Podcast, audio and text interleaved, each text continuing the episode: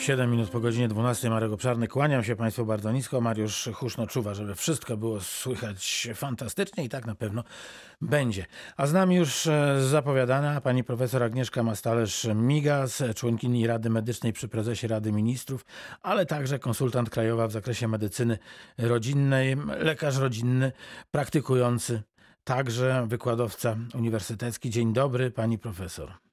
E, dzień dobry panie redaktorze, dzień dobry państwu. No to zapytam e, o szczepionkę AstraZeneca i o bezpieczeństwo jej stosowania, bo mamy bardzo wiele e, informacji. Ten mainstream każe nam wierzyć w to, że AstraZeneca jest bezpieczna, natomiast no, wokół obudowało się bardzo, bardzo wiele opowieści o tym właśnie, że AstraZeneca to samo zło. Panie redaktorze, no ja powtórzę za tym mainstreamem, czyli za y, no, chociażby Europejską Agencją Leków i wszystkimi y, organizacjami, które y, zajmują się szczepieniami, że szczepionka ma wysoki profil bezpieczeństwa. Co to znaczy, że korzyści z zaszczepienia wielokrotnie przewyższają ryzyko, jakie wiąże się z jej podaniem. Bo o co chodzi z tym ryzykiem? E, ustalono, że jest wysokie prawdopodobieństwo, bo tutaj stuprocentowej pewności nie ma, ale jest wysokie prawdopodobieństwo, że u bardzo małej liczby osób podanie szczepienia wiązało się z wystąpieniem takich e, bardzo specyficznych zaburzeń przepnięcia, czyli zakrzepicy żył mózgowych, mm, i to, to, przede wszystkim, to przede wszystkim było to. No w każdym razie, jaka jest, jakie jest ryzyko wystąpienia? To jest kilka przypadków na milion, jeden na 150 tysięcy. Więc to jest bardzo małe ryzyko, y, bo no, musimy popatrzeć y, y, o powiedzmy prawdopodobieństwie chociażby, które jest kilkakrotnie wyższe, jeśli ktoś zażywa środki antykoncepcyjne, czy chociażby pije alkohol, pali papierosy, prawda? My na co to mówimy cały czas o zakrzepicy. Mówimy o zakrzepicy, tak, mhm. tak, bo y, te, y, te niepożądane działania, które wystąpiły y, u tych no, około 200 osób na 40 milionów zaszczepionych osób, to były przypadki zakrzepicy, takich, takie bardzo rzadkie postaci zakrzepicy. Więc na dzień dzisiejszy można powiedzieć, że wiemy tyle, że zaobserwowano pra jakiś prawdopodobny związek ryzyko wystąpienia takiego e, incydentu jest bardzo maleńkie. Ryzyko, że zachorujemy na COVID e, i że będziemy ciężko chorować, jest dużo większe i oczywiście zależy od tego, w jakim wieku jesteśmy, jakie mamy choroby współistniejące. Więc tutaj, no tak naprawdę mamy, czy każdy, kto decyduje o tym, czy ma się zaszczepić, czy nie, no wybiera między ryzykiem a ryzykiem bardzo maleńkim ryzykiem związanym y, z tym ryzykiem takim prozakrzepowym, czyli wystąpienia zakrzepicy poszczepiące, które wynosi 1 do 150 tysięcy, no i ryzykiem y, zachorowania na COVID i przechorowania go ciężko, gdzie tutaj no to ryzyko będzie oczywiście zależne od tego, jakie mamy zachowania, na ile przestrzegamy zaleceń, no a ciężkość choroby już zależy właśnie od tych czynników indywidualnych, o których powiedziałam, czyli od wieku y, i od y, schorzeń współistniejących. Ale jest mhm. wielokrotnie większe niż 1 do 150 tysięcy, bo przypomnę, że ryzyko zgonu choćby w przebiegu COVID u pacjentów powyżej 60 roku życia wynosi między 10 a 15%. Więc co dziesiąty pacjent, który zachoruje na COVID, a ma skończone 60 lat, z tego z powodu COVID y, może umrzeć. Więc to jest naprawdę mm, wysoka stawka, y, o którą gramy. No tak, mówi Pani tutaj o jednym przypadku na 150 tysięcy, to jeśli weźmiemy 150 tysięcy chorych, no to tutaj ta liczba zgonów jest o wiele, wiele wyższa. Ja przygotowując się do tej rozmowy przeczytałem kilka ulotek w internecie, ulotek różnych leków. E, I e, pewnie do tych ulotek nie sięgamy, jak e, lekarz nam ordynuje jakowyś. I okazuje się, że w tych działaniach niepożądanych są naprawdę wymienione takie czynniki, które powinny natychmiast spowodować, że my tego leku stosować nie będziemy. a jednak bierzemy, jednak czujemy się dobrze. Szczególnie na przykład leki na nadciśnienie. Tutaj przeczytałem o możliwościach zawału, o możliwościach udarów właśnie i tak dalej, i tak dalej, i tak dalej. Pan redaktor porusza bardzo ważną kwestię dotyczącą tego, że każdy produkt medyczny, który jest stosowany, każdy lek, a szczepionka też jest formą leku, może mieć określone działania niepożądane. E, I no, gdzieś z tyłu głowy musimy to mieć, natomiast e, to nie jest coś, co powinno być tym głównym czynnikiem decydującym, dlatego że no, mamy e, różne działania częste, rzadkie, bardzo rzadkie i sporadyczne. Więc tutaj no, nie możemy się pochylać nad czymś, e, czego ryzyko jest e, rzędu promili czy poniżej promila, mm, a zapominać o tym, dlaczego mamy się zaszczepić. I tutaj, jak pan redaktor przywołuje leki, no to ja powiem, że na przykład e, dostępny na każdej stacji benzynowej ibuprofen. Jest y, i inne leki z tej grupy, czyli tak zwane niesteroidowe leki przeciwzapalne, które bierzemy często jak nas coś boli, no w różnych sytuacjach, kiedy chcemy sobie przede wszystkim przeciwbólowo, przeciwgorączkowo pomóc, są numerem jeden, jeśli chodzi o y, przyczyny krwawień z, od, z górnego odcinka przewodu pokarmowego. Nie myślimy o tym. Paracetamol, no bardzo bezpieczny lek, który przecież podajemy nawet maleńkim dzieciom, stosujemy sami bardzo często jako preparat przeciwbólowy, przeciwgorączkowy y, w zbyt dużych dawkach stosowany, a te dawki wcale nie są takie wielkie, bo już powyżej 4 gramów y, na dobę może wywołać ostrą niewydolność wątroby. Jest to y, takie polekowe uszkodzenia wątroby, są jedną z częstszych przyczyn przeszczepów wątroby. My o tym w ogóle no, nie kalkulujemy tego ryzyka. Czy ktoś y, wsiadając na rower y, zakłada, że zginie w wypadku? No nie, wsiada i jedzie, a to ryzyko śmierci rowerowej jest zbliżone właśnie do y, zakrzepicy w przebiegu szczepie- po, po szczepieniu AstraZeneca. Pani profesor jest e, członkinią Rady Medycznej przy prezesie Rady Ministrów, przy premierze Rzeczypospolitej Polskiej. Czy Rada Medyczna brała pod uwagę e, drugie szczepienie, no właśnie nie AstraZeneca, a innym preparatem, tak e, jak o tym mówią coraz głośniej Niemcy?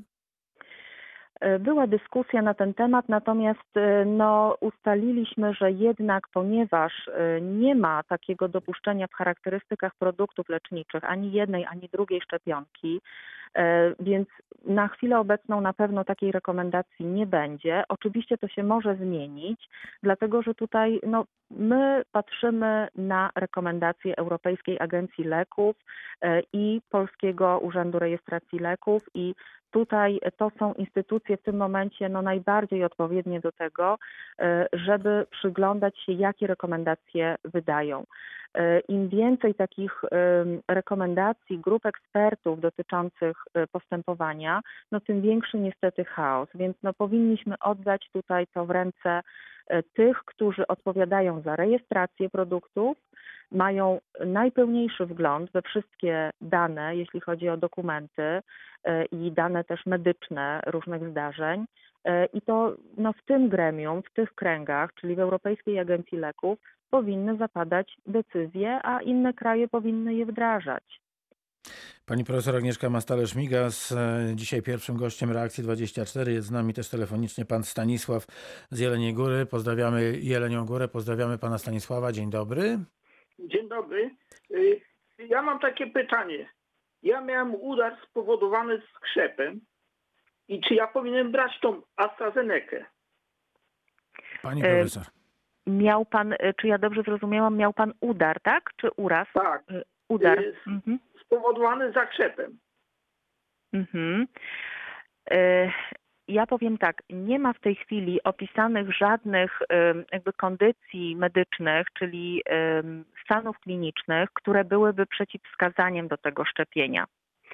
E, to, co zaobserwowano, to e, te ciężkie zaburzenia krzepnięcia występowały raczej u kobiet poniżej 55 roku życia.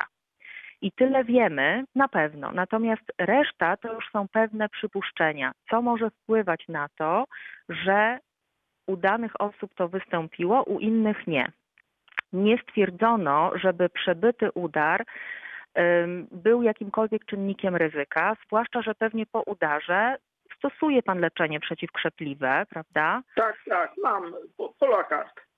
Więc, y, więc tutaj mm, w- moim odczuciu y, zagrożenia z powodu y, podania szczepionki u pana nie ma, bo nie ma jakichkolwiek danych, które by mówiły, że to zagrożenie jest.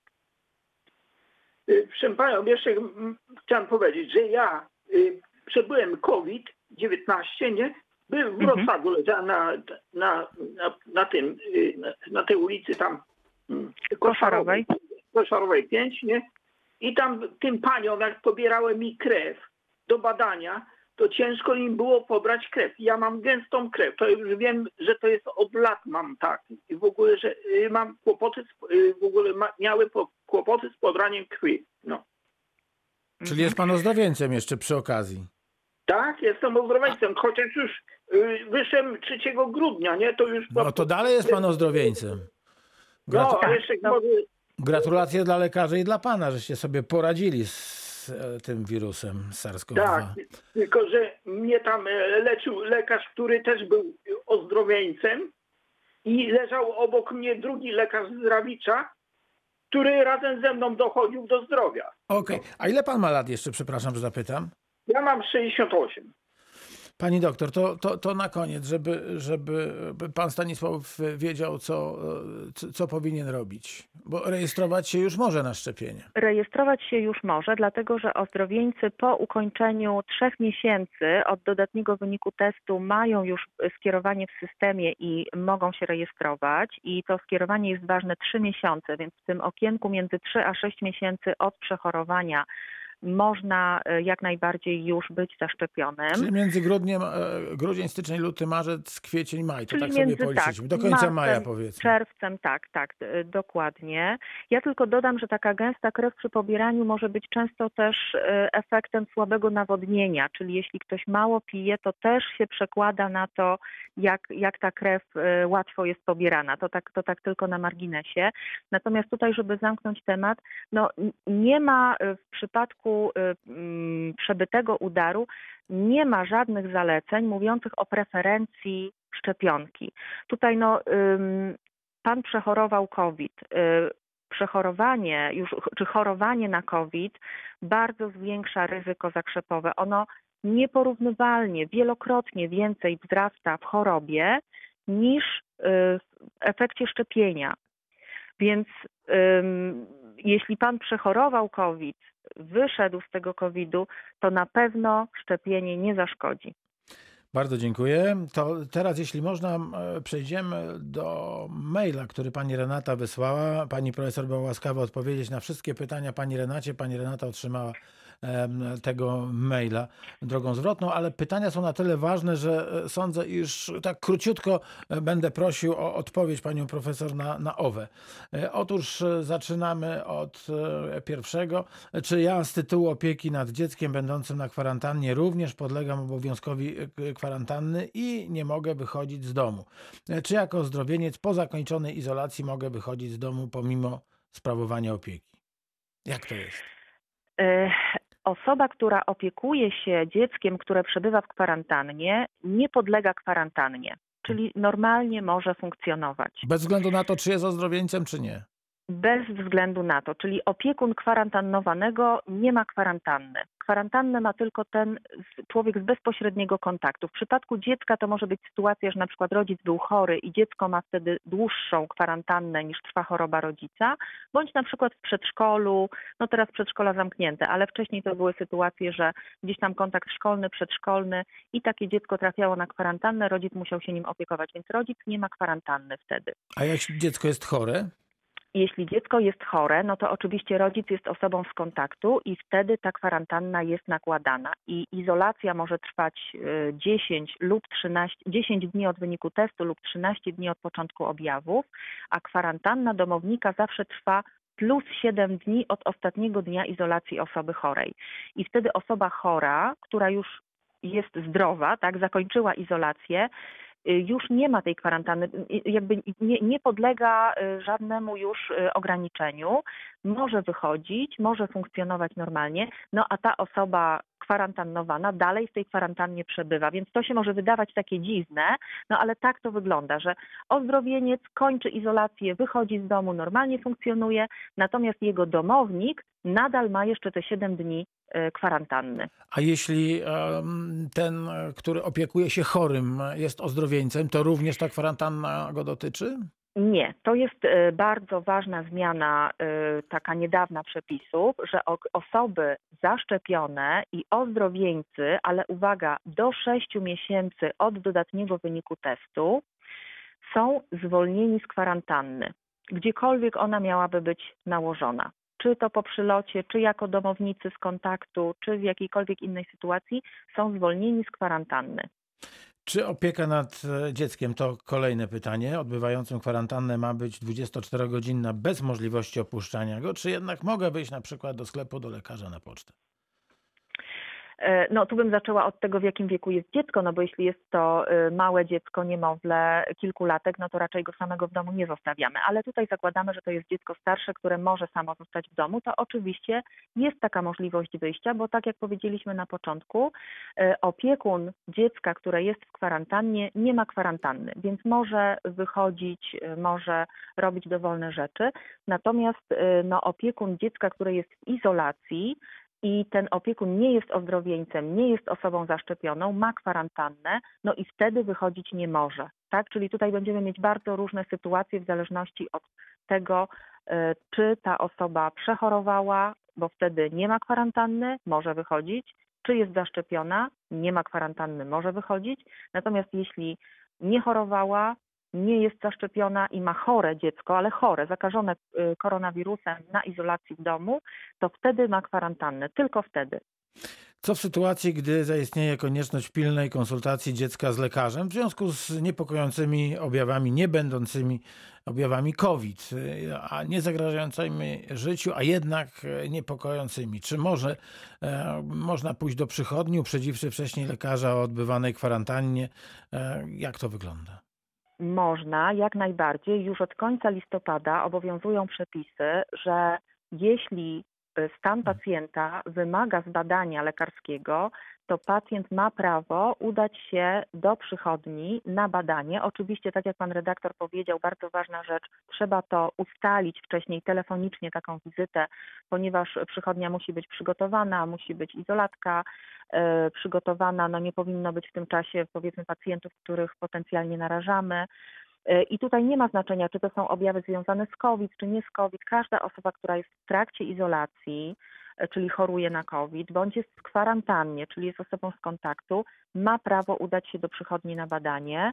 I tutaj uwaga, zwolnienie na czas tej wizyty i powrotu do domu jest automatyczne z mocy rozporządzenia, więc tutaj niepotrzebna jest zgoda ani sanepidu, ani policji. Tutaj w przypadku kontroli, tylko po prostu e, przekazujemy informację, że po prostu byliśmy w tym czasie w przychodni. To wszystko da się sprawdzić, bo w tej chwili jest elektroniczna dokumentacja, więc e, jeśli ktoś był w przychodni, to jest to absolutnie sprawdzalne, można poprosić ewentualnie o wydruk e, z wizyty, żeby mieć dowód, że, że faktycznie ta wizyta się odbyła. Tu teraz jest z nami pani Regina z Wrocławia. Pozdrawiamy Wrocław. Pani Regino, bardzo dziękuję za e, cierpliwość. Antena Radia Wrocław do pani dyspozycji. Przypomnę, pani profesor Agnieszka Mastalerz-Miga z Lekarz Rodzinna jest dzisiaj państwa gościem.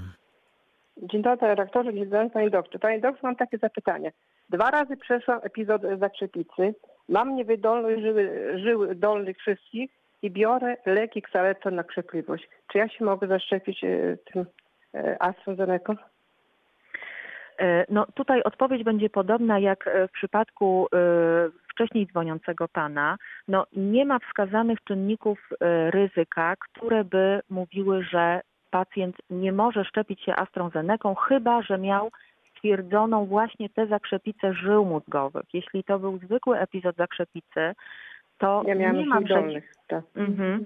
nie ma przeciwwskazań do y, szczepienia. Natomiast oczywiście, jeśli pani się obawia, y, no w tej chwili są dostępne y, i szczepionka AstraZeneca, i szczepionka y, Pfizera bez mhm. ograniczeń wiekowych, prawda? Więc tutaj, Aha. jeśli pani się niepokoi, można spróbować znaleźć miejsce, żeby się zaszczepić Pfizerem. Natomiast Tak. tutaj jeszcze raz powiem, no nie ma y, przeciwwskazań poza właśnie tą zakrzepicą żył mózgowych, y, żeby się szczepić astrą, y, AstraZeneką. Pani pewnie też bierze leki przeciwkrzepliwe, Tak, jeśli biorę epizod. kse- kselectwo.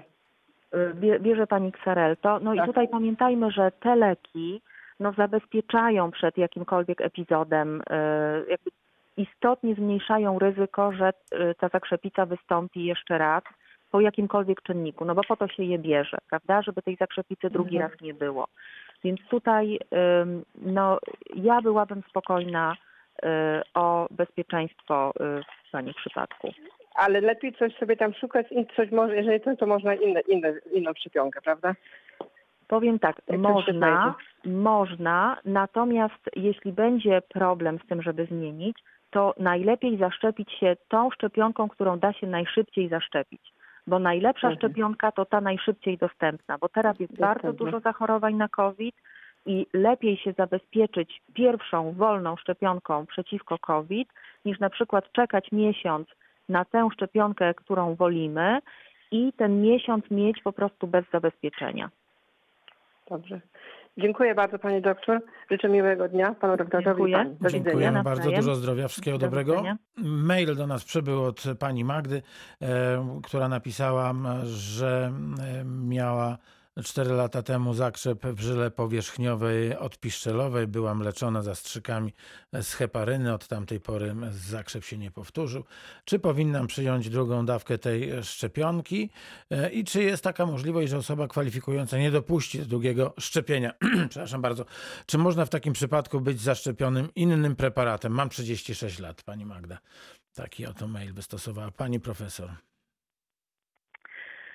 E, No, tutaj odpowiedź będzie właściwie no, ponownie taka sama, że jeśli chodzi o e, przeciwwskazania do szczepienia szczepionką AstraZeneca, to jedynym przeciwwskazaniem w tej chwili jest przebycie e, właśnie tej zakrzepicy żył mózgowych, która była stwierdzana jako to bardzo rzadkie powikłanie, prawdopodobne, prawdopodobnie związane ze szczepieniem. I tam jest jeszcze taka trombo, y, trombofilia indukowana heparyną. To już jest bardzo, bardzo rzadkie powikłanie. I to są, y, to są takie dwie y, choroby, które stanowią przeciwwskazanie. Natomiast inne powikłania y, zakrzepowe, które wystąpiły kiedyś w przeszłości, nie stanowią przeciwwskazania. To znaczy, że na podstawie przeanalizowanej dokumentacji, to co EMA robiła przez ostatni miesiąc, przyglądając się, jacy pacjenci zachorowali, to okazało się, że to była no tak mała grupa, że tutaj nie zaobserwowano żadnego związku mm, z innymi y, chorobami y, z kręgu zakrzepicy. Y, U Pani, jeśli to była zakrzepica żył powierzchownych, to jest raczej taka y, no, lżejsza postać zakrzepicy, Y, więc ja bym się tutaj nie obawiała. Natomiast no, trzeba mieć świadomość, że tak, jeśli pani przyjęła już pierwszą dawkę szczepionki, to i nic się nie wydarzyło, to po tej drugiej też już raczej nic się nie powinno wydarzyć, dlatego że te incydenty, które obserwowano, to o czym mówimy, te poważne zdarzenia zakrzepowe, y, u wszystkich dotyczyły sytuacji po pierwszej dawce, nie po drugiej. Więc ta druga dawka powinna być bezpieczna. To I jest na dobra pewno- wiadomość dla tych, tak, którzy na już byli pewno w zaszczepieni. punkcie szczepień będzie pytanie, bo ono jest w tym poprawionym nowym kwestionariuszu kwalifikacji do szczepienia, czy wystąpiły poważne incydenty y, zakrzepowe w przeszłości. Y, Natomiast tutaj, jeśli pacjent ma wątpliwości, co to znaczy poważny incydent zakrzepowy, to powinien to już z lekarzem y, wyjaśnić. Może to być też rozmowa ze swoim lekarzem prowadzącym, na przykład no chociażby tym, który leczył w przeszłości taką historię. Jeśli to był zakrzep w żyle powierzchownej, to nie jest to y, ciężka zakrzepica. Czyli to nie spełnia kryteriów y, tych, które tam są po prostu y, w tabelce, gdzie mówimy o ciężkim incydencie zakrzepowym. Zakrzepica żył powierzchownych nie jest ciężkim incydentem, więc tutaj mm, proponowałabym, żeby zaszczepić się drugą dawką, dlatego że jeśli pani się nie zaszczepi, to szczepienie jednodawkowe jest niewystarczające. Natomiast mieszanie szczepionek na obecnym etapie jest niedopuszczalne, tak jak mówiłam wcześniej, ze względu na brak e, takiego dopuszczenia w charakterystyce produktu leczniczego, więc byłby to po prostu eksperyment medyczny. No i nie sądzę, żeby ktoś e, w punkcie szczepień zdecydował się na coś takiego. Więc tutaj jakby idźmy zgodnie z tym, co wiemy na dzień dzisiejszy nie, nie powinno się nic wydarzyć. Tak jak powiedziałam, te incydenty, które się zdarzały, dotyczyły podania pierwszej dawki. Pani profesor Agnieszka Mastalerz-Migas, kierownik Katedry Zakładu Medycyny Rodzinnej Uniwersytetu Medycznego we Wrocławiu. Ostatnia e, rozmowa, ostatnie pytanie. E, ostatnia słuchaczka, pani Bernardeta z Wrocławia. Dzień dobry. Dzień dobry panie redaktorze. Ja mam dwa pytania krótkie. E, pierwsze e, pytanie. Byłam szczepiona na razie jedną dawką Astrą Naprawdę nie miałam w życiu dużo infekcji typu grypowych. Ale pytanie, jeśli można Pani Bernardeto, do pytania zmierzajmy. No więc mam takie pytanie, czy jeśli w Niemczech coraz więcej się mówi, przed chwilą mówiła pani profesor, o jednak możliwości podania po pierwszej dawce Astry, a właściwie waksy Zebrii, na przykład Pfizera. I uważam, że naprawdę nigdy w życiu nie chciałabym przechodzić tego, co przeszłam po pierwszej dawce AstraZeneca.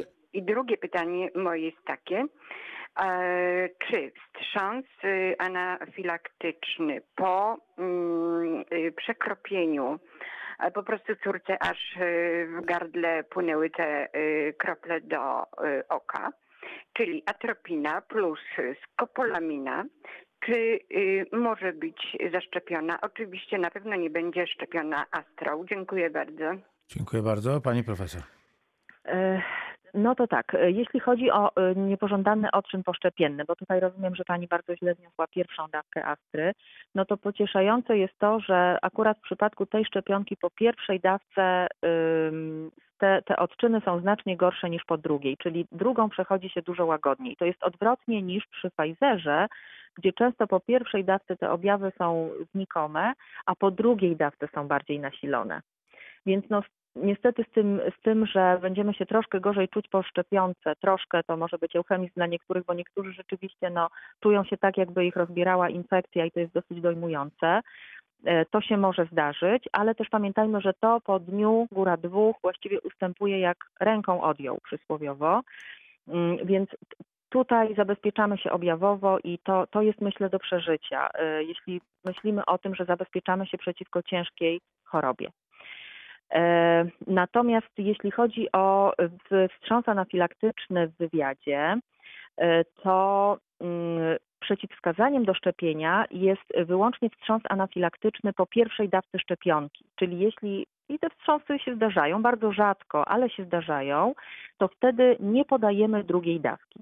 Natomiast jeśli był wstrząs anafilaktyczny po jakiejkolwiek innej substancji, tak jak tutaj pani mówi, po, po kroplach, po jakimś leku, e, to y, i pacjent chce się zaszczepić, to to szczepienie powinno mieć miejsce w szpitalu, czyli trzeba wybrać sobie taki punkt szczepień, który jest przy szpitalu, bo wtedy y, jest po prostu dostęp do opieki anestezjologicznej i w przypadku y, tego większego ryzyka wstrząsu jest zabezpieczenie. Natomiast no ja tylko dodam, że w każdym punkcie szczepień musi być zestaw przeciwwstrząsowy, musi być adrenalina i my wszyscy szczepiący jesteśmy przygotowani do takiego postępowania, bo po każdym szczepieniu może wstrząs wystąpić nie tylko covidowym szczepieniu, ale po każdym innym i każdy punkt szczepień zawsze personel jest przeszkolony i przygotowany do tego.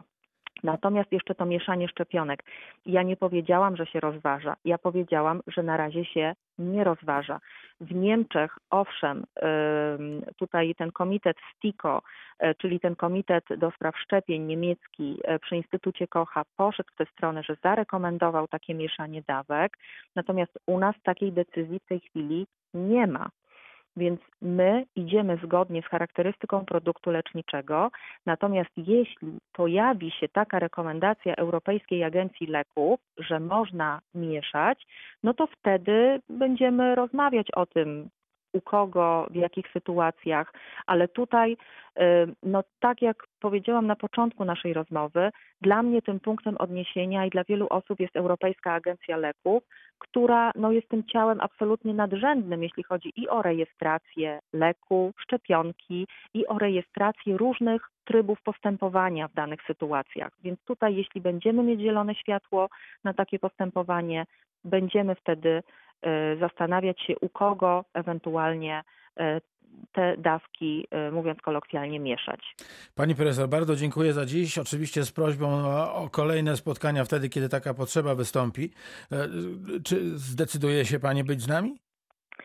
Oczywiście, panie redaktorze, zawsze jest to dla mnie przyjemność ogromna, także dziękuję za zaproszenie. To ja dziękuję. Państwu za pytania. E, życzę zdrowia wszystkim i, i, i, dużo sił na nadchodzący czas. Nawzajem to ja dziękuję pani profesor Agnieszka Mastalerz-Migas, prezeska Polskiego Towarzystwa Medycyny Rodzinnej, członkini Rady Medycznej przy prezesie Rady Ministrów. Za 21 minut mamy godzinę 13. Z nami już jest pan Jacek Mozalewski, zastępca dyrektora do spraw zarządzania drogami i mostami oddziału wrocławskiego Generalnej Dyrekcji Dróg Krajowych i Autostrad. No i nam trochę też e, COVID e, zmienił proporcje w reakcji 24, ale e, przed chwilą witając się także w państwa imieniu z panem Jackiem Mozalewskim ustaliliśmy, że będziemy się jeszcze w najbliższym czasie kontaktować, bo nie zdążymy poruszyć tych wszystkich tematów, które były były zaplanowane, ale także Państwo mogą e, dzwonić, więc bardzo proszę korzystać 71 391 00 00 71 391 00 00. Wtedy tych zaplanowanych tematów więcej zostanie nam na kolejne spotkanie. Dzień dobry, panie dyrektorze. Dzień dobry panie redaktorze, dzień dobry państwu. Ja myślałem, że jak będziemy się spotykać w, prawie w połowie kwietnia, to ja już e, nie będę musiał zadawać pytania, a jak tam akcja zima na drogach e, krajowych e, na Dolnym Śląsku? A jednak tak, opady śniegu są przewidywane. Czy służby, które odpowiedzialne są za utrzymanie dróg są w gotowości? Bo podobno ma sypnąć śniegiem i to dość mocno w najbliższych dniach, tak, szczególnie tak, tak, na południu. Tak. Prognozy pogody do nas też docierają. Jeszcze mamy tak zwaną osłonę meteorologiczną. Yy, dedykowane dla nas biuro prognoz przysyła nam na maila, na SMS-a różne ostrzeżenia, także jesteśmy o tym dobrze poinformowani, a umowy mamy nadal aktywne, sprzęt nie jest złożony, chociaż już yy, prawie miesiąc temu zaczęliśmy tak zwane porządki wiosenne, czyli zamiatanie ulic, remontowanie dziurawych nawierzchni, ale, ale no, jedno z drugim się pokryło w tym roku. Także na pewno, na pewno będziemy dalej y, posypywać. No, mam nadzieję, że już nie tak odśnieżać, ale, ale zobaczymy, co nam pogoda przyniesie. Czyli kierowcy mogą być e, w miarę spokojni, e, jeśli chodzi o to, co się stanie z drogami, chociaż pewnie ci, którzy. Drogami już... krajowymi. Krajowymi, tak. No ci, którzy tak. wymienili, tak. wymienili ogumienie, to sądzę, że w najbliższych dniach jednak na południe raczej, raczej się nie no, powinni góry, wybierać. Góry raczej nie powinni jechać, tak. Panie dyrektorze, ja wiem, że bardzo wiele inwestycji, o których mam nadzieję zaczniemy dzisiaj mówić, jest e, w trakcie przygotowania, jest realizowanych, ale ja, jeśli pan pozwoli, to autostradzie A4 e, dwa zdania bym e, chciał usłyszeć od pana dyrektora, oby to były zdania optymistyczne. Czyli, no właśnie, co dalej z A4? Rozmawialiśmy bardzo wiele razy o różnych wariantach prac związanych z naszą autostradą. No i, i teraz chciałbym zapytać, jak się sprawy mają. To znaczy, jesteśmy po otwarciu dwóch przetargów. Zainteresowanie firm projektowych jest dosyć spore. Y, mówię dwóch przetargów, bo autostrada została podzielona na tak zwany, no powiedzmy w cudzysłowie, odcinek łatwiejszy. To jest od Krzyżowej, od węzła Krzyżowa, to jest to rozwidlenie na Olszynę i na Zgorzelec do węzła Legnica Południe, czyli do skrzyżowania ze Szczy. I to jest ten pierwszy, y, to pierwsze zadanie projektowe. A drugie to od węzła Legnica dalej Czyli od, no, od, Nowej Wsi, tak? Mniej więcej. W... Legnica Południe to jest ten okay. wcześniejszy. wcześniejszy S3, dobra. Tak, Nowa Wieś dostała teraz miano Legnica Wschód okay. po, po wybudowaniu S3. No i ten drugi odcinek w stronę Wrocławia i dalej stronę granicy z województwem opolskim, łącznie z drogą ekspresową nowym odcinkiem S5. I tu też było zainteresowanie do, dosyć y, spore, dosyć dużo ofert. Część y, i w jednym, i w drugim przypadku szczeliła się w nasze wyliczenia, także mam nadzieję, że wykonawca zostanie wyłoniony, podpiszemy umowę i, i będziemy tutaj projektować. Podpisanie umów jest na połowę roku przewidziane. To proszę powiedzieć, jakie, jakie pomysły? Na to, żeby nam się tą A4 e, jeździło lepiej, a może A4 przestanie być e, w tym korytarzu, w którym teraz biegnie A4, tylko będzie drogą e, krajową? Już po, przy poprzedniej tej etapie dokumentacji projektowej zadecydowano, że na odcinku od Krzyżowej aż do Kostomłotów będzie modernizowana autostrada po swoim śladzie. Także tutaj już to jest y, rzecz pewna, tylko ewentualnie y, warianty rozpatrywane będą się szczegółami różnić. Mhm. A od kostomłotów do mm, tego węzła takiego teoretycznego pomiędzy y, Wrocławiem Wschód a Brzeźmierzem y, jeszcze w grze są dwie kombinaty, czyli albo modernizacja w śladzie istniejącym, albo nowy przebieg, e, już szumnie e, przez niektórych nazywany południową obwodnicą Wrocławia. No tak, także że te dwa warianty, te dwie kombinacje są, jeszcze, e, są w grze. A kiedy decyzje? Decyzje mm, to dopiero rok 24, tak. 24, bo to będzie wtedy na ten rok jest są planowane uzyskanie decyzji o środowiskowych uwarunkowaniach dla tych inwestycji. I tutaj właśnie duży głos będą miały konsultacje społeczne. Te, te wszystkie projekty będą przedstawiane mieszkańcom, y, samorządowcom, że tu każdy będzie mógł zabrać głos i wypowiedzieć się y, w tych kwestiach. No to jeszcze się trochę pomęczymy. Y, tak, i to zarówno użytkownicy, jak i my jako zarządca drogi. No właśnie.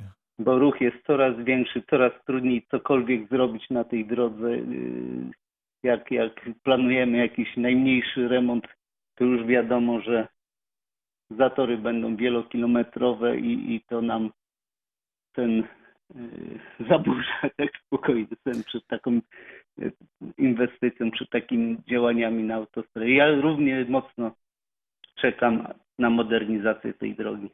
Aż boję się pytać i może dzisiaj o to nie pytałem, jak będzie modernizacja 4 przebiegała, jak będą przebiegały prace, bo jakoś tak nie bardzo sobie potrafię to wyobrazić, jak przy istniejącym ruchu będzie można prowadzić prace remontowe, ale pewnie takie możliwości to znaczy techniczne, organizacyjne są, nie? Nie będzie no, jakiegoś strasznego kłopotu. Nie, no, nie pomysł, pomysł, pomysł na, na y, budowanie, modernizowanie autostrady y, w śladzie istniejącym jest taki, że, że najpierw będzie dobudowana ta właściwa jedna z jezdni o, o takiej szerokości, że jak przyjdziemy na stary ciąg autostrady, na te dwa, dwie wąskie jezdnie po dwa pasy ruchu, to y, ta szerokość nowej jezdni, czyli trzy pasy ruchu i pas awaryjny, pozwolą tam tak zorganizować ruch, że będą po dwa pasy w każdym kierunku. Czyli będziemy mieli nową, starą autostradę. Y, nowa będzie obok, jezdnia. Nie, nie, mój, ale wtedy jak będzie, na, na, czas remontu tej starej, będziemy mieli no, nową starą, bo też będziemy mieli dwa pasy w jedną stronę, dwa pasy w drugą. No i później tak, jak to tak, się tak, wszystko tak, tak. skończy, Jeżeli... no to wtedy będziemy już mieli oho, ho, ho. Y, jeżeli chodzi o warunki ruchowe, to na pewno nie będzie lepiej. Na mhm. pewno nie będzie lepiej, a ja tu tylko mówię tak ogólnie, co czeka nas na szlaku, a co czekać będzie kierowców na węzłach i, i to może na inny tak, to zostawmy. To na razie. Czas, zostawmy to, to, to jeszcze, jeszcze mamy trochę czasu do rozpoczęcia prac. No, e, czy pan dyrektor e, wie, kiedy, no na pewno wie, ale czy nam podzieli się z nami tą informacją, na kiedy mm, jest już przygotowywane oficjalne przecięcie wstęgi na nowej A4? z tego co pamiętam, to jest 30 kwietnia 2020. Uwaga. Żartuję teraz, żartuję. Panie redaktorze, spokojnie. Najpierw projekty. A później praca. Tak, tak, to za wcześnie. Okej, no to teraz zapytam jeszcze o e, sławną, a raczej niesławną ósemkę. Patrzę teraz na natężenie ruchu. E, Cieszyce, po, em, Jaszowice, Kobierzyce, e, Polantowice. To taki jeden wielki korek e, w obie strony, E, więc pewnie coś się tam e, wydarzyło. E, No tutaj, Co z tutaj ósemką? Jesteśmy, jesteśmy zdecydowanie dalej, bo, bo mamy poskładane już y, praktycznie większość wniosków o tych tak zwanych decyzjach o uwarunkowaniach środowiskowych. Także, yy, czyli jesteśmy o taki duży krok przed A4. Czyli tutaj yy, prawdopodobnie już yy, 3-4 lata i powinniśmy jeździć. 3-4 lata. Hmm. Tak. No to powiedzmy, że, że do 2025 roku e, będziemy się je- jeszcze męczyć, a później, a później będzie cudnie. No to, No, to znaczy potrzebę już dawno zauważono, tak? Bo, bo tak, to. ta ósemka już po prostu... Mogę powiedzieć, że od dziesiątek lat Tak, widać było A- tę potrzebę jak na dłoni. A tu już jesteśmy naprawdę bardzo daleko, finansowanie jest zapewnione, projektowanie jest w toku. No, każda tak wielka inwestycja, bo to naprawdę są wielkie inwestycje, które nie tylko y, są powiązane z, y, ze sprawami komunikacyjnymi, ale też z życiem y, mieszkańców, tak, przez których teren będzie przebiegać ta droga. No tak. I oni muszą mieć wpływ na to i muszą mieć świadomość, y, co tam powstanie. No tak, muszą mieć to- świadomość zysków i strat, bo to Tak, zyski, tak. zyski będą ogromne, choćby w rozwoju turystycznym naszego południa, bo przecież Dolny Tak, Śląsk jest niezwykle Jest ważnym terenem Tak. wypoczynkowo-rekreacyjnym. Przecież to, to, że mamy COVID, to, to tylko myślę zaostrzy apetyty. Kiedy stanie się wreszcie normalnie, to ruszymy gremialnie w różne No to- strony Polski i świata, żeby trochę odetchnąć. Panie redaktorze, no jak I tu pan ósemka. tak, pomyśli, że za godzinę pan będzie w Płocku, Nie, nie, nie chcę myśleć, bo bym teraz panu powiedział do widzenia i wsiadł do samochodu i pojechał. ale nie, to kiedyś, kiedyś. Aha, to Kiedyś. nie Tak dzisiaj, dobrze. Piękna prosta będzie wybudowana już. No to tak, to wtedy naprawdę się e, opłaca nam wyjeżdżać na, na weekend, ale też myślę o gościach, choćby z nadmorza, bo przecież wiadomo, że my Tak, mamy tak. kierunek e, Szczecin, a Szczecin ma kierunek Wrocław i, i góry, więc Szczecin, Poznań prawda? Przyjeżdżają do nas, pewnie, że tak, więc to będzie na pewno wiele e, łatwiejsza droga, bo przecież znajomi mówią e, z Międzyzdrojów, że oni jadą tak długo do e, Wrocławia teraz, jak z Wrocławia długo jadą do Kudowy. No praktycznie To prawie, może tak no. to- to może mo- tak się może zdarzyć. się tak zdarzyć, tak. Dobrze, no to w takim razie, jak już jesteśmy e, na południu, to zapytam o trójkę, jest trójkę. No buduje się, buduje i to, yy, yy, że tak powiem... Ale z niespodziankami. Z niespodziankami, no Chodzi mi można o powiedzieć, że można było się tego spodziewać, ale ja naprawdę się nie spodziewałem. Sztolni się można było spodziewać, która będzie wam s- stała w poprzek? No tak, Wałbrzyskie to, to stary region górniczy i są tego ślady, że, że nie tylko sam Wałbrzych, ale próbowano tego węgla i po okolicach szukać. Jak sobie dajecie radę z tą sztolnią? Coś e, nowego Nie, w tej no. sztolni zostało odnalezione? Może jedno Nie, koło nie, od złotego pociągu? Nie, nie, Nie. nie, potwierdzam. Czyli nie będzie za, że, żadnej bomby. archeologiczne mają wgląd tam, działają, także nie. Nie, nie sfinansujemy za znalezisko budowy tego tunelu. Szkoda, bo tutaj e, z tego, co Państwo podają, to ta sztolnia była budowana między 1914 a 1929 rokiem, więc wtedy jeszcze pewnie tego złotego pociągu nie było. Nie było.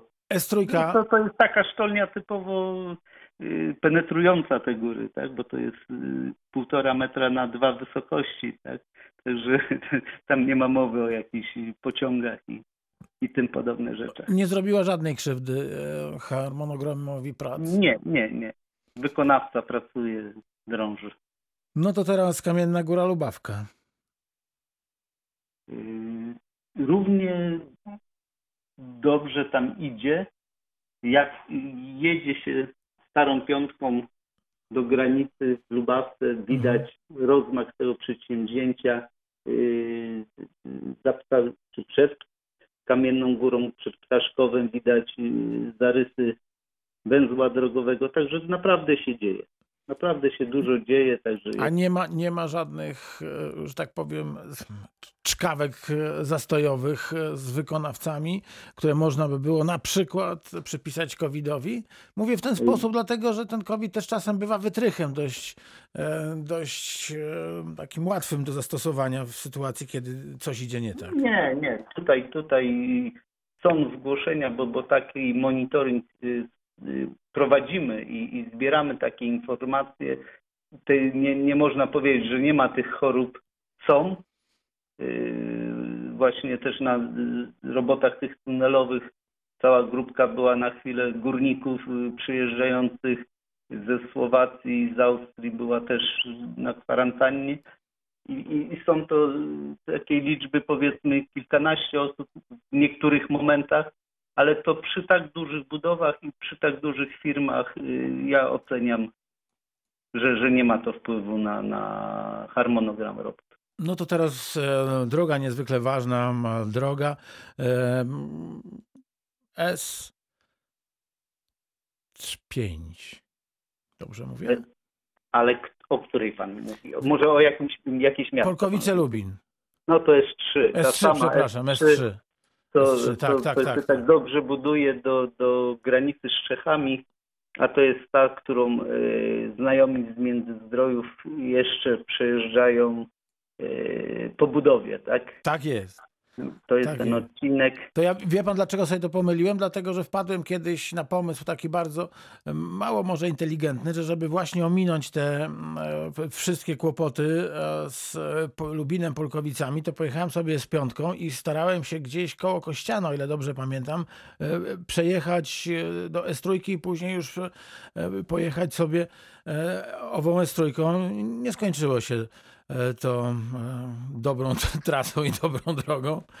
E, Więc e, no, musimy czekać na, tą na tą S3 i na ten pechowy odcinek e, Polkowice-Lubin, bo gdyby, gdyby go nie było, to już ten północny odcinek, licząc autostrada 4, to by był już dawno zapomniany, jeśli chodzi o, o inwestycje na No, Dolnym do Śląsku. samego Szczecina, tak? Prawda? Tam, tam oddział szczeciński jeszcze buduje ten końcowy odcinek y, na Świnoujście Mhm. i to już będzie takie naprawdę domknięcie trasy. To wszystko łącznie z tymi naszymi dolnośląskimi odcinkami jest y, planowane na koniec 2023 roku.